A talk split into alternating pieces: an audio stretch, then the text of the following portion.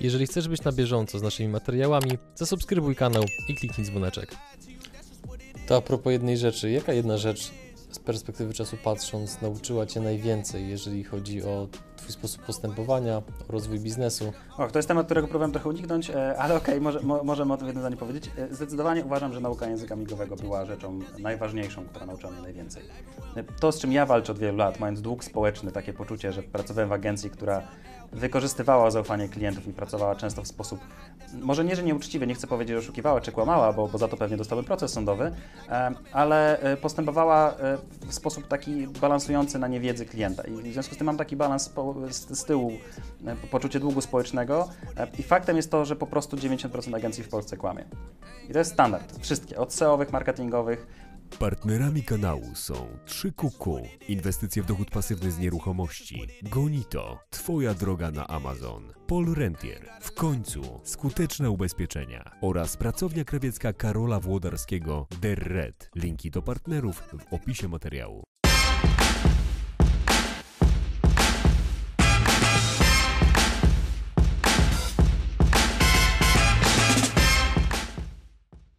Cześć. Cześć, dzień W dobry. końcu nam się udało, nie? Ojejku. A słuchaj, a możesz mi pokazać, w jaki sposób się przedstawiasz w języku migowym, bo mnie zafascynowałeś tym tematem. To ciężki temat, no co chcesz wiedzieć? Niesamowite, ale to o tym do tego wrócimy troszeczkę później. Niemniej zacznijmy od naszych pierwszych razy. Jesteś Okej. gotowy? Mamy, będziemy mieli minutę czasu. Nie mam pojęcia o co chodzi, ale możemy spróbować. Wybierz jedną cechę, w której mężczyźni są dużo lepsi od kobiet w biznesie. Produktywność. Jedno biznesowe wydarzenie, które zapadło Ci w pamięć. Biznesowe wydarzenie. Ostatnie spotkanie w Warszawie. Twoja aplikacja numer jeden to? Nozbi? Pierwsze biznesowe FOPA. Nie mam. Jakim jednym piłkarzem, że zawsze byłeś na boisku, będąc dzieckiem? Nie grałem w piłkę nożną. Jedna rzecz, która bawi Cię w polskich przedsiębiorcach to? Brak świadomości budżetu. Twój sposób na regenerację numer jeden to? Sen. Twoja jedna wada? Jestem gadułą. Jeden z celów, do których zmierzasz. Osiągnięcie stabilności w spółce. Kto ma największe dokonania dla światowej gospodarki? Chyba brak jednej osoby. Jak wspominasz pierwszego pracownika? Bardzo dobrze. Twój lifehack numer jeden to? Produktywność. Możesz spełnić jedno biznesowe życzenie. Jakie? Stabilne przychody i płacący klienci w terminie. Pierwsze zwolnienie pracownika. Ciężkie. Pomyłka numer jeden? Super, no i tak z, z, dojechaliśmy już do drugiej dziesiątki, nie? Tam Nice. było z 13 albo 14 A ja łącznie. tak bardzo się powstrzymuję, żeby nie mówić szybko. Doskonale. To teraz przechodzimy do zasadniczej części wywiadu. Uprzedzałeś mnie, żebym Cię nie pytał o to, czym się zajmujesz, bo będziemy o tym gadali wtedy cały wywiad, ale niemniej chociaż w kilku zdaniach, gdybyś powiedział naszym widzom tak w pigułce, to myślę, że to sp- sporo ułatwi. Okej. Znaczy, no, je- jeżeli miałem coś sobie powiedzieć, no to najbliżej mi do człowieka renesansu. W sensie jestem osobą, którą kręci bardzo dużo rzeczy naraz e, i wiele rzeczy mnie interesuje. Od strony zawodowej e, w szczytowym momencie zarządzałem czterema spółkami. Aktualnie jakby jedną sprzedałem, jedną zamknąłem, jednej się pozbyłem, z jedną zostałem. E, I ta jedna podstawa spółka zajmuje się marketingiem restauracyjnym. E, I to jest taka spółka, która nas kręci najbardziej, tym zawodowo się faktycznie zajmuje. Natomiast po godzinach jestem blogerem. E, Piszę na blogu geekwork.pl głównie o produktywności, pomysłach na biznes, w ogóle konstrukcją spółek, pracowania właśnie na własnym biznesie e, i tych tematem. Natomiast w wolnym czasie e, no, tych rzeczy jest dużo, dużo, dużo więcej. Ważę swój browar, hoduję mrówki, jestem tłumaczem języka migowego, jestem hulajnogistą, o czym miałeś okazję się przekonać. Jest takie słowo? Tak, jest już w słowniku polskim hulajnogista. E, cóż jeszcze? No, jestem takim sobie tłumaczem języka migowego, gdzieś tam browar ten za mną cały czas chodzi. E, hoduję te mrówki, czytam bardzo dużo książek, bo blisko około setki rocznie. E, dużo, dużo różnych mniejszych i większych tematów, które po prostu regularnie mnie pasjonują, ekscytują i wtedy je pożeram tak do, głęboka, do, do, do bardzo, bardzo, bardzo głębokiego dna. Mm, Rozkminiam sobie, często później zmieniam te swoje zainteresowania. Tak też powstał mój blog portal.pl. Mhm. W jaki sposób czytasz 100 książek rocznie? Jak to, ten czas na te książki rozkładasz w tygodniu albo w ciągu dnia nawet? Nie badam tego w ten sposób. Na pewno lifehackiem był zakup pierwszego Kindla e, z podświetleniem, więc jakby daje wygodę czytania wtedy, kiedy się da. A drugi lifehack to umiejętność bardzo szybkiego czytania. W sensie już gdzieś tam w wieku nastoletnim zrobiłem sobie jakieś kursy szybkiego czytania z bardzo wysokim poziomem zrozumienia, po prostu jestem w stanie czytać bardzo dużo i zazwyczaj nie czytam jednej książki naraz. W większości przypadków czytam kilka pozycji naraz, ale zupełnie z innego tematu, czyli z jednej strony mamy książkę na przykład rozwojową, z drugiej strony mamy książkę typu science fiction, a z trzeciej strony mamy coś typu re reportażowego, więc jakby nie Mhm. kłóci się ze sobą, nie, te lejki między sobą się po prostu nie, nie, nie mieszają. To jakie trzy książki dały Ci najwięcej, jeżeli chodzi o Twój biznes? Wydaje mi się, że Bądź ogólnie, jeżeli chodzi o Twój rozwój. tak, tych książek myślę, że jest ca- całkiem sporo. Te, które wspominam z jakimś takim największym em, rozrzewnieniem, to na pewno ostatnio Esencjonalista. E, Słyszałem o niej. To była taka książka, która wytrzepała mnie niezwykle mocno. Mm, To mogę opowiedzieć krótką anegdotę z tą książką, Dawaj. jeżeli nie masz nic przeciwko. E, no, Anegdota jest z tej złożoności. W zeszłym roku e, wyjechaliśmy z moją żoną na 5 tygodni na Filipiny. No i w sensie siedzieliśmy sobie tam w, w, w bardzo fajnych warunkach. Mieliśmy też mieszkanie, które na europejskie standardy byłoby bardzo przeciętnym, na filipińskie było epickim, w zamkniętym osiedlu, w nowym budownictwie, w, w takim szeregowcu. E, No i wieczorem jak gdyby miałem umówionego Skype'a, 18 z klientem, siedziałem sobie spokojnie. E, No i jak to na filipińskich wyspach, choć wtedy nie miałem tej świadomości, zniknął prąd. Po prostu. Za dwie godziny mam umówionego Skype'a, nie ma prądu. Gdzieś tam już po godzinie zacząłem się stresować. E, Wyszedłem wtedy z mojego mieszkania, podszedłem do Filipińczyka, e, który, który mieszkał obok, który już miał całą rodzinę rozstawioną przy stole, świeczki, sobie siedzieli spokojnie jedli. No ja do niego podchodzę i jakimś tam łamanym moim angielskim zapytuję, nie? co się teraz stało. No, no nie ma prądu, nie? Po prostu. Okej, ale on będzie, w sensie wróci. Wiesz, my w Polsce mamy taki, taką sytuację, że kiedy nie będzie prądu, sobie SMS-a, jakieś powiadomienie, czy co, coś wiecie, mówi, no, no nie, no nie ma prądu, nie? Mówię, no dobra, ale będzie, będzie za, za chwilę, jest regularna przerwa. Jak w ogóle do tego podejść? Czego się spodziewać? Ja mówię, nie martw się. Będzie za 5 minut, 5 godzin, 5 tygodni. Co za różnica? Mam trochę ryżu, mam trochę ryby, chodź coś zjemy. I takie mają podejście do życia Filipińczycy. Zero spiny. E, No prądu nie było przez blisko 30 godzin, e, więc jak gdyby brak klimatyzacji, ciepłej wody, w ogóle wszystko hardkorowe. No ale jedyne, co mi stało z elektronicznych, to właśnie e-book. Esencjonalista na Kindlu. E, I tam w pewnym momencie jest takie ćwiczenie, które w kontekście zderzenia tego, jak bardzo ważny dla mnie był Skype z klientem z Polski, a równocześnie zupełnie przewidzianą okolicznością i 36 stopniami za, za oknem, było proste ćwiczenie, które bardzo często polecam ludziom, którzy mają jakieś takie zamieszanie w życiu. Wypisanie sobie wszystkich projektów i rzeczy, którymi się zajmujesz na jednej kartce, ale też rzeczami, których chciałbyś się zajmować. Ja na przykład tam miałem pozycję, że chciałem zostać programistą. Nie ma to żadnego zasadności w tym, co robię na co dzień w życiu, ale po prostu kiedyś chciałem zostać programistą. Więc wypisujesz sobie te wszystkie rzeczy, natomiast trik polega na tym, że później oceniasz w skali 1 do 10. Natomiast priorytety, słowo priorytety jest niepoprawne językowo. Nie może być kilku To jest priorytetów. liczba pojedyncza, tak? To jest liczba to. pojedyncza, to jest priorytet. Więc teoretycznie powinieneś, tak jak na Filmwebie, ocenić tylko jeden film 10 na 10, prawda? Nie możesz mieć 200 rzeczy, które mają u Ciebie 10 na 10. To jest problem organizacji, które mają wiele priorytetów, dają swoim pracownikom wiele rzeczy. Oni nie wiedzą, czym się zajmować tak naprawdę. Nie mają jednej konkretnej idei. I kiedy ocenisz tak szczerze i uczciwie, no to trik polega na tym, żeby później zacząć się tylko zajmować dziewiątkami i dziesiątkami. Ja sobie uświadomiłem, że y, bycie programistą jest moim celem, ale na zaledwie siódemkę, więc nie ma sensu marnować czasu. I ta książka Esencjonalista jest bardzo bliska też książce One Thing, czyli jedna rzecz, e, która też jest super, którą bardzo mocno polecam, a do tych książek bardzo dobrze mi pasuje GTD, Getting Things Done, Davida Allena, ponieważ tam daje już konkretne narzędzia, metodologię, jak pracować z produktywnością. To są książki o tym, jak wybrać priorytety czy- cele w swoim życiu, natomiast GTD daje narzędzie, jak z nimi tak naprawdę zacząć pracować. Więc jeżeli miałbym polecić e, trzy najważniejsze dla mnie książki, to chyba będą właśnie te. Mhm. Opowiedz nam, w jaki sposób, jaka jest geneza powstania Twojego bloga i w jaki sposób on się przekłada generalnie na twój, dzisiaj na Twój biznes. Dlaczego pytam? Z jednej strony, tak mi się wydaje, Ty czy my, no z racji bliskości branży internetowej, Mhm.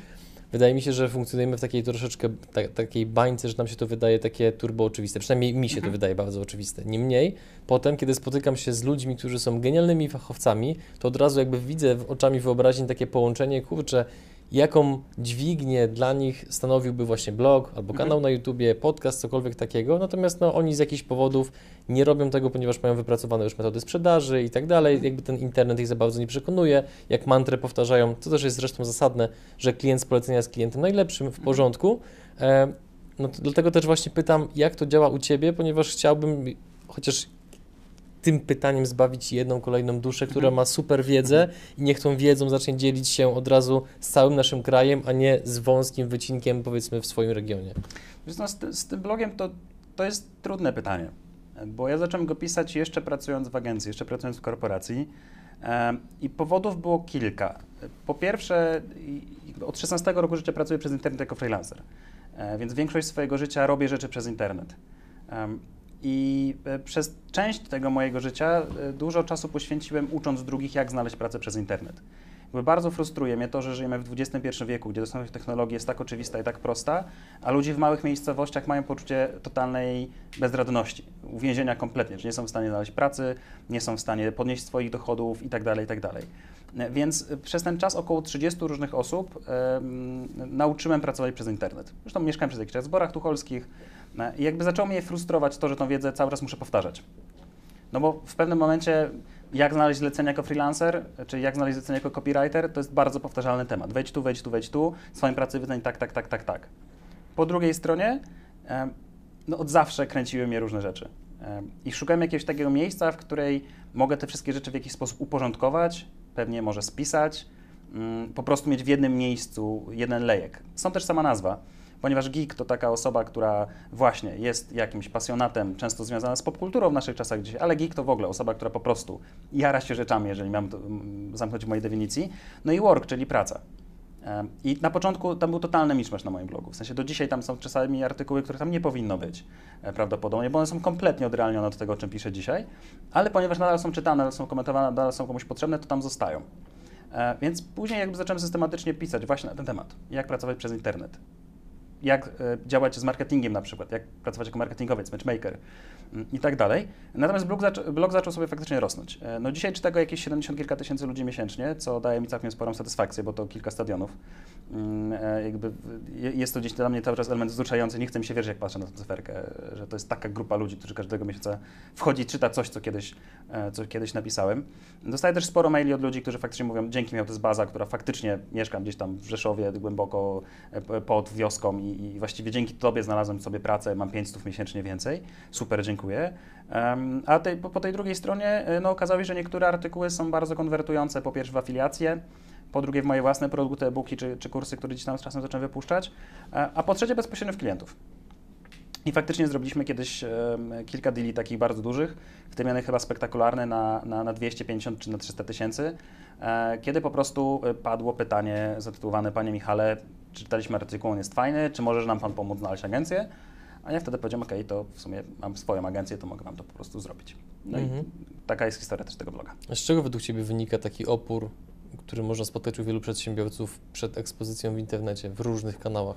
Moim zdaniem jest to prędkość związane z czasem. E, brak, um, dlatego też o tym piszę, o produktywności bardzo często, ponieważ większość znanych mi przedsiębiorców pracuje w totalnym chaosie nie ma uporządkowanego dnia pracy, nie ma uporządkowanego tygodnia pracy, nie ma ustalonych priorytetów, nie potrafi delegować odpowiedzialności, w związku z czym na e, rzeczy dodatkowe, a blok jest rzeczą dodatkową, która zacznie procentować dopiero w bardzo długiej perspektywie, mm, no jakby nie ma czasu, bo zawsze jest coś. I to nie jest nawet brak dobrej woli, tylko po prostu brak skupienia się na priorytecie i jakby zaczęcia dnia od zjedzenia tej żaby, e, czy, czy, czy tej żaby, e, faktycznie rano napisanie krótkiego artykułu i zaczęcia. Bo jak ludzie sobie myślą o blog, o hosting, o domena, o serwer, o wtyczka WordPressa i ogranicie tego wszystkiego, po prostu odpuszczają. Mhm. Marketing restauracyjny. Clue. Tym się w tej chwili specjalizujecie. Faktycznie nasza spółka Outspace po dołączeniu mojej wspólniczki e, i współwłaścicielki Agaty Banaszkiewicz w zeszłym roku przyjęła taką specjalizację jako marketing restauracyjny. To jest taki główny temat, w którym w tym momencie wychodzimy na zewnątrz do, mhm. do naszych klientów. Skąd taka decyzja, że akurat ta, ta branża? Powodów było znowu kilka. E, najprostsze, jak widać, lubię jeść i lubię dobrze jeść. Szanuję dystans do siebie. E, e, I jak gdyby była to dla nas bardzo przyjemna branża. Po drugie, mam sporo doświadczenia w pracy z obsłudze z klientem i jakby z tym, co mnie często wkurzało bezpośrednio w obsłudze, na przykład gościa w restauracji czy w hotelu. Mm, więc było mi dosyć łatwo o tym wypowiadać. Po drugie, wpadł nam po prostu bardzo duży klient na obsługę e, kilkunastu właściwie restauracji, na którym się bardzo dużo zaczęliśmy uczyć. A kiedy poszła informacja, jak dobre rzeczy, jak dobre wyniki wykręcam na tym konkretnym kliencie, no to sypnęło nam się kolejnych klientów. I, I, tak naprawdę dzisiaj mogę powiedzieć, że około 80% klientów jest związanych z gastronomią e, i na przykład w Poznaniu właściwie e, no, znaczna większość, z top 10 restauracji najlepszych w Poznaniu jest w naszym portfolio co takiego robicie, że te restauracje zyskują? Oczywiście nie proszę o to, żebyś teraz nam podał całe wasze know-how, ale też, żeby widzowie nas nie posądzili tutaj jakąś powiedzmy kryptopromocję, no to dajmy coś tym, którzy mają swoją restaurację, którzy mogliby skorzystać na waszym doświadczeniu. Ja nie mam też żadnego z tym problemu. Nawet dzisiaj rano przygotowaliśmy prezentację e, na jedno z wydarzeń, które będzie tu w regionie właśnie na ten temat. E, I to jest często w ogóle taka śmieszna sprawa, że właśnie e, jest to takie poczucie, że lepiej nie zdradzają naszych trików. Te triki nie istnieją tak naprawdę nie istnieją. E, nie ma jakiegoś takiego tajemniczego sposobu, że my robimy coś wyjątkowo lepiej niż inne agencje marketingowe. To nie na tym polega. E, to, z czym ja walczę od wielu lat, mając dług społeczny, takie poczucie, że pracowałem w agencji, która wykorzystywała zaufanie klientów i pracowała często w sposób, może nie, że nieuczciwy, nie chcę powiedzieć, że oszukiwała czy kłamała, bo, bo za to pewnie dostałbym proces sądowy, ale postępowała w sposób taki balansujący na niewiedzy klienta. I w związku z tym mam taki balans z, tyłu E, poczucie długu społecznego e, i faktem jest to, że po prostu 90% agencji w Polsce kłamie. I to jest standard. Wszystkie, od SEO-owych, marketingowych, kłamie w ten sposób, że często wykorzystuje niewiedzę swoich klientów. I my nie mamy z tym problemu, w tym sensie, że po prostu mówimy klientom otwarcie, e, co jest co, jak poprawić swoje efekty i w większości przypadków dobra restauracja jednym dobrym człowiekiem w środku jest w stanie zrobić to sama. No, nie jest know-how, ponieważ EdgeRank, czyli algorytm facebookowy, lubi, lubi regularność, lubi zdjęcia, lubi wideo, lubi aktywność i tyle. Jeżeli jesteś w stanie to robić sam w sposób efektywny, to rób to sam. Problem zaczyna się nawet w tej sytuacji, że większość znanych nam klientów, większość znanych restauracji ma, jeżeli jest dobrą restauracją, ma taką tabakę w lokalu, w sensie jest tak dużo gości, tak wiele się tam dzieje, że po prostu nie są w stanie znaleźć na to czas.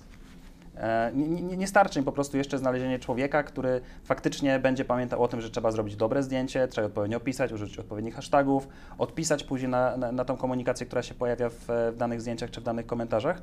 I to, co my właśnie teraz robimy w naszej spółce, to odpowiednik leasingu pracowniczego.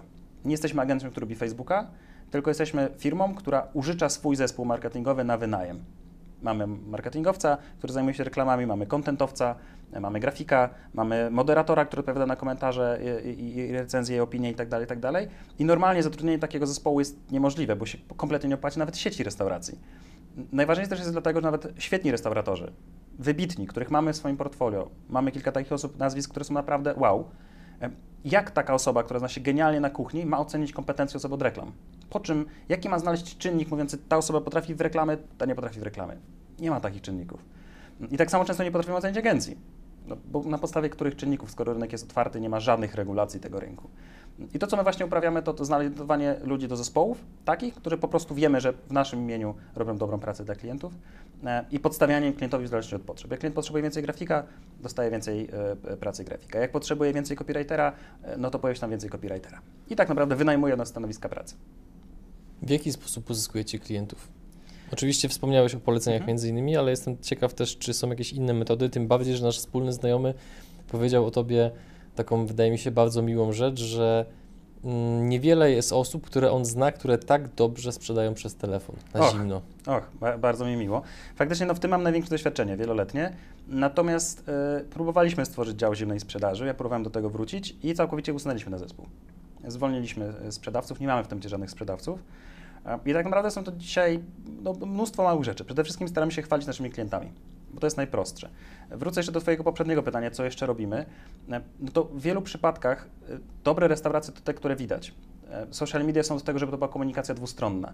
Bardzo szybko widać, jeżeli dana restauracja ma człowieka od marketingu. W naszym regionie jest kilka takich restauracji, które widać, że po prostu jest ktoś wkręcony w temat w środku, ale robi tylko to. Mm, albo właśnie, kiedy jest to dobra agencja.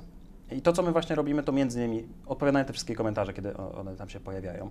To jest e, pamiętanie o opiniach e, na Tripie, TripAdvisorze, odpowiadanie na opinie na Google, gdzie bardzo często one są po prostu ustawione tak, o, ktoś poświęci swój czas, swoją siłę, swoje zasoby na to, żeby opisać Tobie, że było super, albo nie było super, ale poświęca na to swój czas i restauracja bardzo często, czy hotel nie reaguje. To jest ta rzecz, którą, którą bardzo często, często e, robimy jako ten, ten, ten, ten wyróżnik. I wracając do Twojego pytania, czyli e, jeszcze raz. Jak sprzedawać? Ja, jak sprzedamy dzisiaj usługi? No to właśnie chwaląc mhm. się ze swoimi klientami tym, w jaki sposób z nimi pracujemy i tu często pada pytanie, kto Was obsługuje. Mm, po drugie robimy też często webinary, takie swoje, e, często z, z życia spółki, często jakieś wiedzowe. Ja udzielam się na konferencjach, często jeżdżę, występuję, opowiadam o tym, czy się zajmujemy. Publikujemy też w kilku, mam ze sobą jakieś tam doświadczenie w wystąpieniach publicznych, jakieś tam TEDxa, jakieś duże konferencje, więc czasami cały czas jestem zapinany, zapraszany. Czasami pojawia się takie zaproszenie na przykład, żeby pisać w jakiejś gazecie, więc tam restauracje i catering e, też tam publikujemy nasze artykuły specjalistyczne, przy czym bardziej dzielimy się właśnie wiedzą. To, to, o czym wspomniałem wcześniej, nie czujemy potrzeby udawania, że, że nie ma tej, że to jest jakaś wiedza tajemna, tylko mówimy wprost o tym, jak robimy, że możesz to zrobić mhm. sam, tylko zastanów się, czy masz na to czas, bo może łatwiej będzie to oddelegować. A z jakim wyzwaniem w tej chwili najbardziej się mierzycie, największym? Wydaje mi się, że e, te wyzwania są chyba dwa. E, po pierwsze, to jest bardzo nieciekawa sytuacja na rynku pracowniczym z mojej perspektywy. Mm, ja jestem fanem proaktywności i umiejętności wyprzedzania troszeczkę oczekiwań. Mm, pracujemy ze względu na to, że y, social rozumieją młodzi ludzie, bardzo często z, z, grupą gdzieś tam w golicach 26 roku życia, czyli wciąż bardzo młodych ludzi, często świeżo po studiach albo w trakcie studiów, którzy też mają jakieś swoje pasje, oczekiwania, ale bardzo często no, nie ma w nich tego czegoś pod kątem pracy. Nie mają takiej odpowiedzialności, właśnie takiej chęci wyprzedzania tych oczekiwań. Bardzo trudno jest znaleźć takich, takich ludzi. I oczywiście można zatrudniać zdalnie, oczywiście i też to robimy, natomiast faktycznie znajdowanie odpowiednich ludzi odpowiednich stanowiskach, którzy będą chcieli pracować, chyba jest mm, jednym z największych e, wyzwań. A drugie to już takie typowe rozwiązania e, sprzętowe, które po prostu jest relatywnie niełatwo ogarnąć. Jak kocham porządeczek, e, uwielbiam, jeżeli wszystko jest tam oprocedurowane, uporządkowane. Mamy sporo takich trików, które stosujemy u nas w pracy, żeby właśnie jakby nie robić korporacji, bo też nie o to chodzi, ale żeby jednak ta praca była uporządkowana i usystematyzowana. A to niestety powoduje pewne wyzwanie narzędziowe. Nie ma dobrego CRM-a, takiego, który by mi wystarczał. Nie ma jakiejś dobrej aplikacji do komunikacji z e, naszymi klientami w kontekście na przykład wymiany kontentu, jak mają wyglądać posty i tak dalej. Więc to bardziej takie wyzwania typowo sprzętowe. Mhm. Opowiedz o tych trikach. Których? O tych, co powiedziałeś przed chwilą, o, o tym, że lubisz mieć wszystko, jak są procedury, okay. procesy i tak dalej. Jakie triki stosujecie, które teoretycznie są uniwersalny również dla mhm. innych firm pod kątem wdrożenia? No to bardzo mocno się z tematem mojego bloga, e, bo te zasady produktywności, które wdrażam w swoim życiu osobistym i które staram się stosować u siebie e, i być ich e, prawdziwym praktykiem, żyć nimi faktycznie z tymi regułami, bardzo często przenosimy na życie spółki. No i tak jak największym trikiem produktywnym jest duża liczba snu, oraz zimny prysznic, e, to, to bardzo ciężko zaprzęgnąć na rzecz spółki, ale już tworzenie szablonów zadań, czy też szablonów uporządkowanej pracy już jest takim trikiem. E, bardzo rzadko stosowanym. E, procedura nie kojarzy się dobrze. Procedura kojarzy się z czymś właśnie korporacyjnym, sztywnym, mm, często zabijającym kreatywność, e, a przecież pracujemy w branży kreatywnej, ale w praktyce e, pisanie procedur wewnętrznych takiej spółki jak nasza powoduje, że praca jest usystematyzowana i wszyscy wiedzą, czego od nich jest oczekiwane. No mogę podać Ci takie dwa przykłady, chyba najprostsze. Jedną z rzeczy, którą robi Agata, jest też pisanie strategii marketingowych. No i jakby proces zbierania informacji od e, naszych klientów był początkowo dosyć chaotyczny. Było spotkanie, były pytania, ale ten porządek występował dosyć ogólnie. W sensie wiedzieliśmy, co jest w strategii, więc wiedzieliśmy, co pytać klienta. W pewnym momencie stworzyliśmy sobie szablon zadania, który ma w tym momencie 29 zadań krok po kroku. W środku jest około jeszcze w każdym mniej więcej 4 do 5 pytań dodatkowych, e, które po prostu nawet możemy udostępnić klientowi jeszcze przed spotkaniem. On dokładnie wie, o co będzie pytany. Często nawet pracują na tym projekcie zdalnie. E, tak samo jest na przykład z moim blogiem. E, procedura publikacji artykułu na moim blogu ma 39 kroków. I tam są rzeczy, o których po prostu nie muszę pamiętać. Rozmiar miniaturki na blogu jest rzeczą, którą masz z tyłu głowy, ale w ten sposób marnujesz swoje zasoby. Jeżeli to jest spisany format, do którego możesz wrócić, to nie musisz o tym myśleć. Masz to w jednym konkretnym miejscu. E, więc te procedury e, czy checklisty, jeżeli można by się takimi posługiwać, są na, na porządku dziennym. I właśnie ta dalsza praca, czyli wszystkie te zadania, e, czego nie ma kalendarz fizyczny, czego nie ma kalendarz drukowany, kartka papieru, to synchronizacja z wszystkimi urządzeniami i też możliwość tworzenia sobie zadań cyklicznych. Na przykład mamy taką procedurę obsługi działu social media, która mm, ma bodajże 9 czy 10 tasków, która jest wykonywana cyklicznie. I każdy pracownik wie, że każdego drugiego i każdego piętnastego ma obowiązek skontaktować się telefonicznie z każdym swoim klientem. Do 20 najpóźniej musi przygotować harmonogram i do 22 wysłać go klientowi. Każdego któregoś tam trzeba zrobić to czy tamto. I ponieważ to zadanie w dobrym systemie się po prostu automatycznie przypomina na przykład dwa dni wcześniej albo tego samego dnia, no to wiesz w jaki sposób masz pracować. No i cała metodologia GTD, czyli rozpisywanie zadań na najmniejsze możliwe kroki, e, to tak w ogromnym uproszczeniu oczywiście, które powodują, że kiedy na przykład ktoś ma wypadek, chorobowe zwolnienie, cokolwiek się wydarzy, po prostu nie ma go w pracy, to niemalże dowolna osoba może wejść, wziąć następny punkt z jego listy zadań, zacząć te zadania wykonywać i wciąż to będzie efektywne. I o pisaniu procedur można rozmawiać przez wiele godzin, bo to bardzo wiele zależy, ale taka umiejętność pisania krok po kroku, usystematyzowanie pewnych rzeczy, które są powtarzalne w firmie, e, w większości przypadków powoduje, że ten porządek e, jest już bardziej efektywny i to jest, co dla mnie najważniejsze, mm, jedną taką teorię, którą bardzo mocno wyznaję w kontekście produktywności, e, to pozwól, że teraz opowiem, to jest temat związany z zasobami. Bardzo głęboko wierzę w to, że każdy z nas ma zasoby skończone.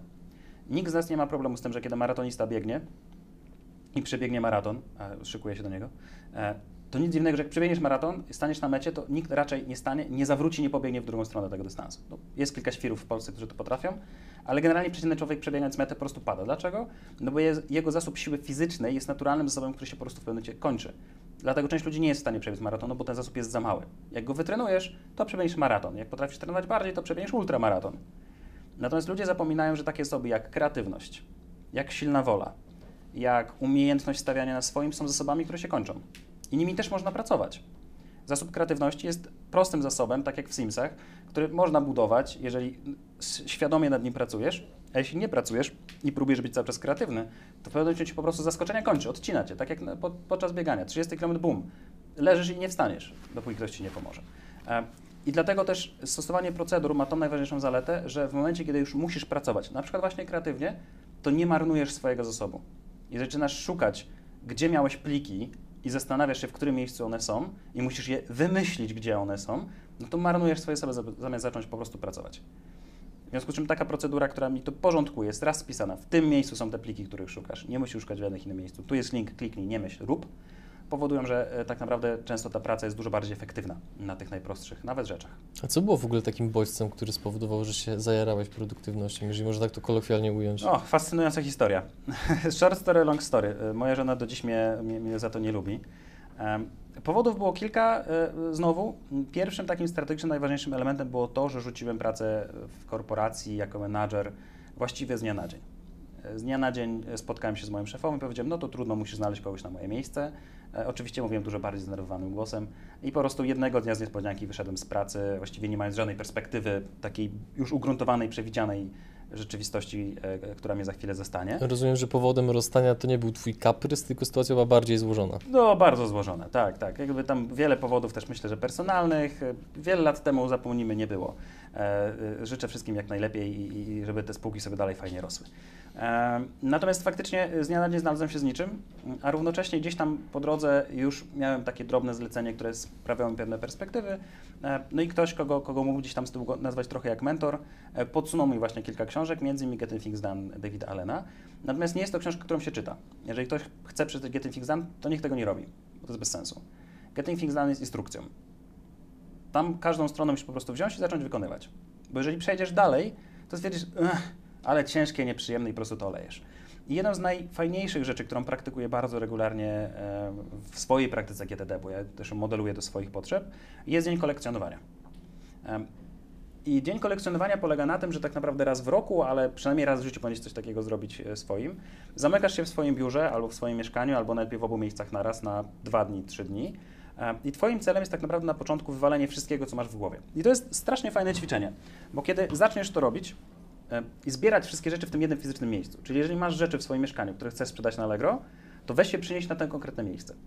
Jeżeli chcesz e, się czegoś pozbyć, wywalić go po prostu, masz już coś, co leży dłuższy czas, ale no nie masz czasu co zabrać, zbierasz na to konkretne miejsce. Trik polega na tym, że później siadasz nad karteczkami papieru i zaczynasz wypisywać rzeczy, które masz z tyłu głowy. Takie, które musisz zrobić. E, I na początku wydaje się, że masz ich niewiele, dlatego David Allen w swojej instrukcji daje trzy strony pytań czy nawet więcej, tam kilka stron pytań, rzeczy, które powinieneś sprawdzić. I teraz mogę Ci wymienić naście rzeczy, które masz prawdopodobnie z tyłu głowy, a o których nie myślisz. Zadzwoń do babci.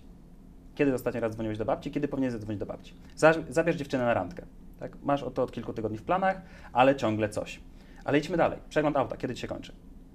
E, kiedy był ostatni raz przeglądzie zębów e, u dentysty? E, kiedy masz zaplanowanego fryzjera, dentystę? Jakieś badania krwi, które ostatnio robiłeś? Te masa małych rzeczy. Niedługo jest ślub Twojego kolegi. Czy masz już prezent wybrany? Czy wiesz, jak dojechać? Czy wiesz, gdzie nocować? Czy masz wakacje? Przecież chciałeś pojechać tu i tam. Te wszystkie rzeczy należy wywalać z głowy. Trik naszego mózgu polega na tym, że po kilku, kilkunastu minutach cię odcina. Zaczynasz myśleć o czymkolwiek innym, tylko nie o tym. Dlatego David Allen mówi o tym, żeby się na kilka dni zamknąć, żeby się zmusić do tego, żeby wejść w taki tryb niemalże medytacyjny, żeby zacząć te rzeczy cały czas wywalać z głowy, cały czas je wyrzucać, wyrzucać, wyrzucać, tak, żeby mieć faktycznie pusto. No bo jednym z zasobów y, naszej głowy jest pamięć operacyjna, RAM, która o ile nie oddasz tego do zewnętrznego systemu, masz to cały czas z tyłu głowy. Nasz mózg nie jest skonstruowany do pamiętania o wizycie dentysty i do przypominania tobie o 14, że miałeś się umówić. Do tego są zewnętrzne systemy. I w momencie, kiedy te wszystkie rzeczy sobie wywalisz i uporządkujesz, to dalej jest procedura tego, jak te rzeczy sobie uporządkować, poprzesuwać, jak to ogarnąć. Jak skończyłem ten dzień, faktycznie po trzech dniach, po trzech dobach z bardzo ograniczonym spaniem, faktycznie cały czas zbierania, wypychania, porządkowania, kolekcjonowania, faktycznie porządkowania wszystkiego, Nigdy nie czułem takiej kontroli nad swoim życiem, jak w tamtym konkretnym momencie. Wiesz dokładnie, z kilku wysokości, tego tygodnia, tego miesiąca, tego roku, tego, tego pięciolecia i tego, co jest naprawdę ważne w Twoim życiu, jak to masz poukładane. Nie musisz mieć ułożonej całej historii tego, jak y, dojdziesz do pewnego konkretnego momentu. Jedno z ćwiczeń, które jest tam wymieniane czy przytaczane jest e, mowa pogrzebowa. U nas w Polsce to nie funkcjonuje prawidłowo, tak jak w Stanach, więc to jest ciężkie do przełożenia. Chodzi o taki toast. Jak e, w Stanach ktoś umiera, to na jego pogrzebie jego znajomi opowiadają o jego życiu. No i właśnie na David, filmach można zobaczyć. Nie, mhm. Dokładnie tak to jest. Właśnie David Allen też przytacza to ćwiczenie, e, żebyś sobie pomyślał, co byś chciał, żeby twoja rodzina czy twoi znajomi o tobie powiedzieli. No prawdopodobnie mhm. nie chcą powiedzieć o tobie, że byłeś świetny w pracowaniu na etacie. Albo byłeś pracownikiem tygodnia. Albo że miałeś potencjał, ale się bałeś. Albo e, byłeś naprawdę świetny w, nie wiem, w jakichś totalnych pierdołach, nie?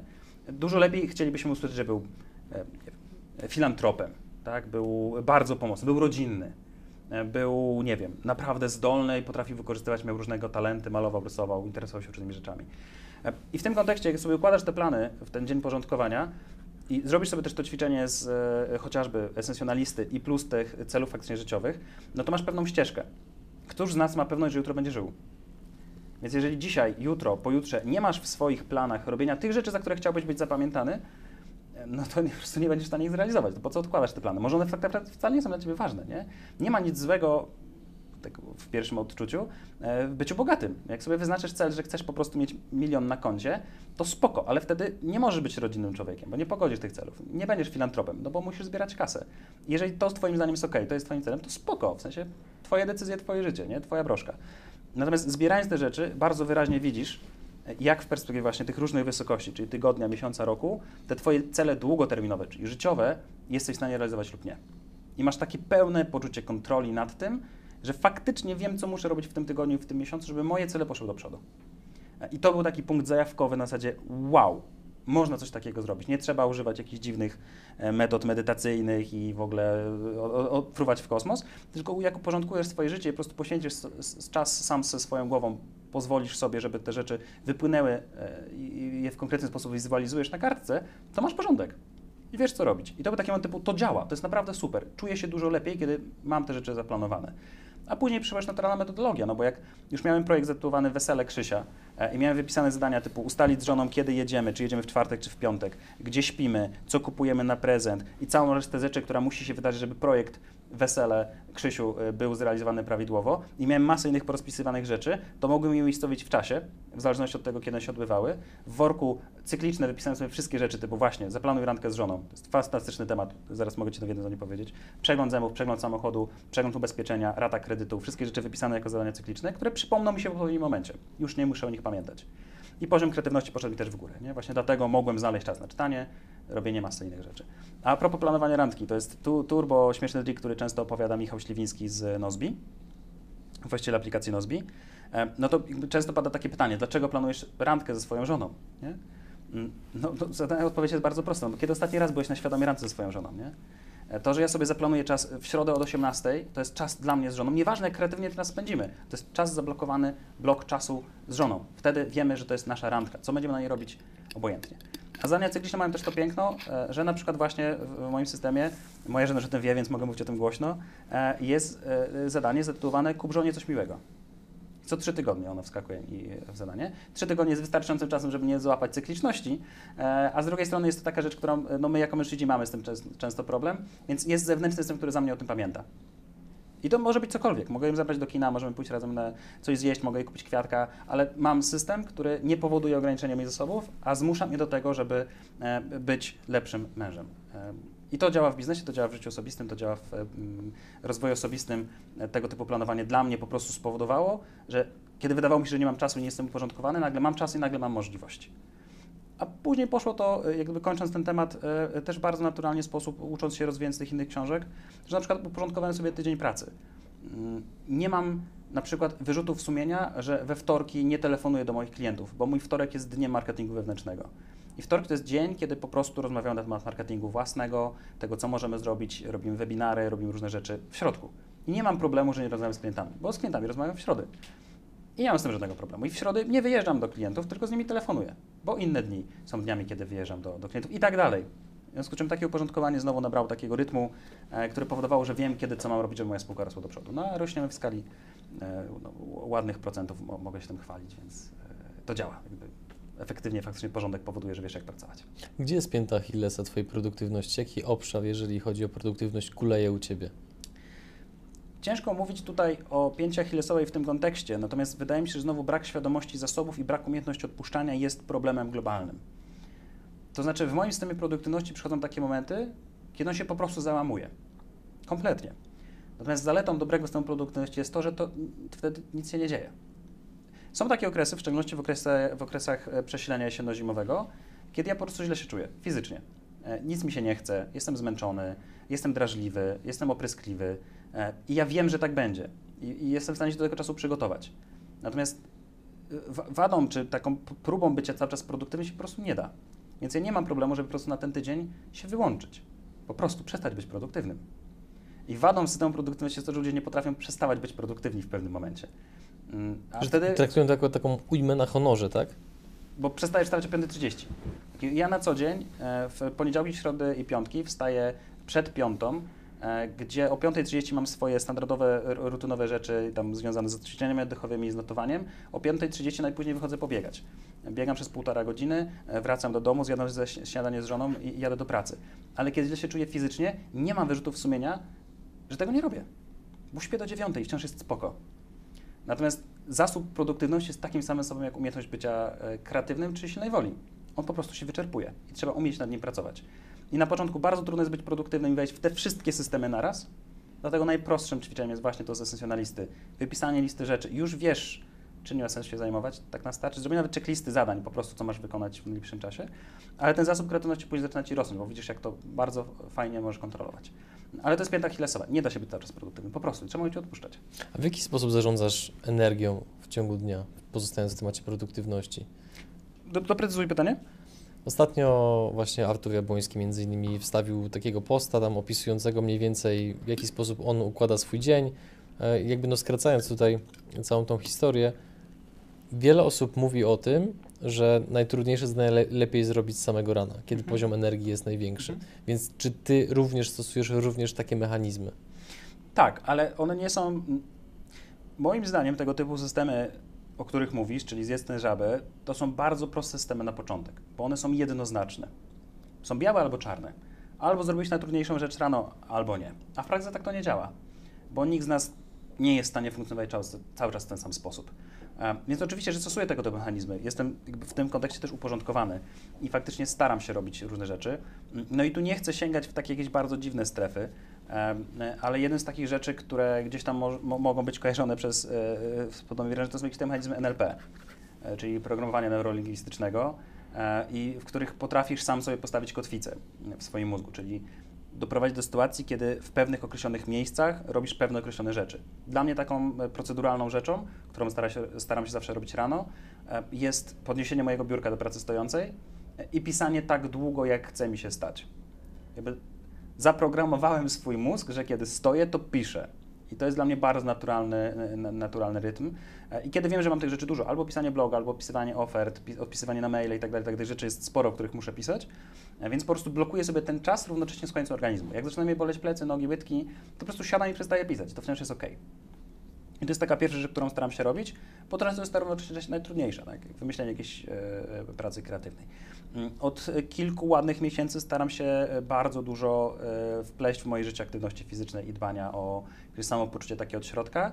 Właśnie dlatego biegam rano.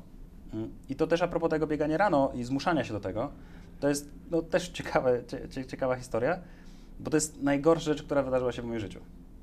Ja nienawidzę wstawać rano. To jest najgorsze, co może być. Ja, ja, ja jestem śpiochem. Ja, jeżeli miałbym wybór, w taki, to śmiesznie brzmi, e, bo sam tego wyboru dokonuję, e, to bym nie wstawał. Ale ten czas rano jest równocześnie najlepszym czasem. Bo wiesz, nikt nic ode mnie nie chce. Moi pracownicy śpią lub są w trasie lub po prostu ich nie ma. Żaden klient napisze Ci maila. Nie wyskakują Ci nowe powiadomienia. E, kiedy idę pobiegać w poniedziałki, e, środy i piątki, e, no to w lesie nikogo nie ma. Jestem tam sam.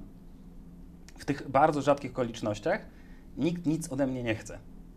Więc chociaż jest to dla mnie strasznie ciężkie, to równocześnie jest to ta najlepsza, najlepsza rzecz. I to są takie rzeczy, które staram się wdrożyć w swoim życiu, które równocześnie są najtrudniejsze.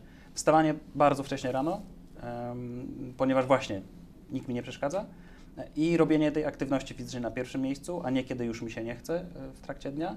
Em, I często przesuwanie faktycznie rzeczy tych ważnych, natomiast no, wiesz, w produktywności fajne jest na przykład to, że kiedy kończysz zadanie, e, to nasz mózg e, już się tak wykształcił, że jest w stanie produkować endorfinę.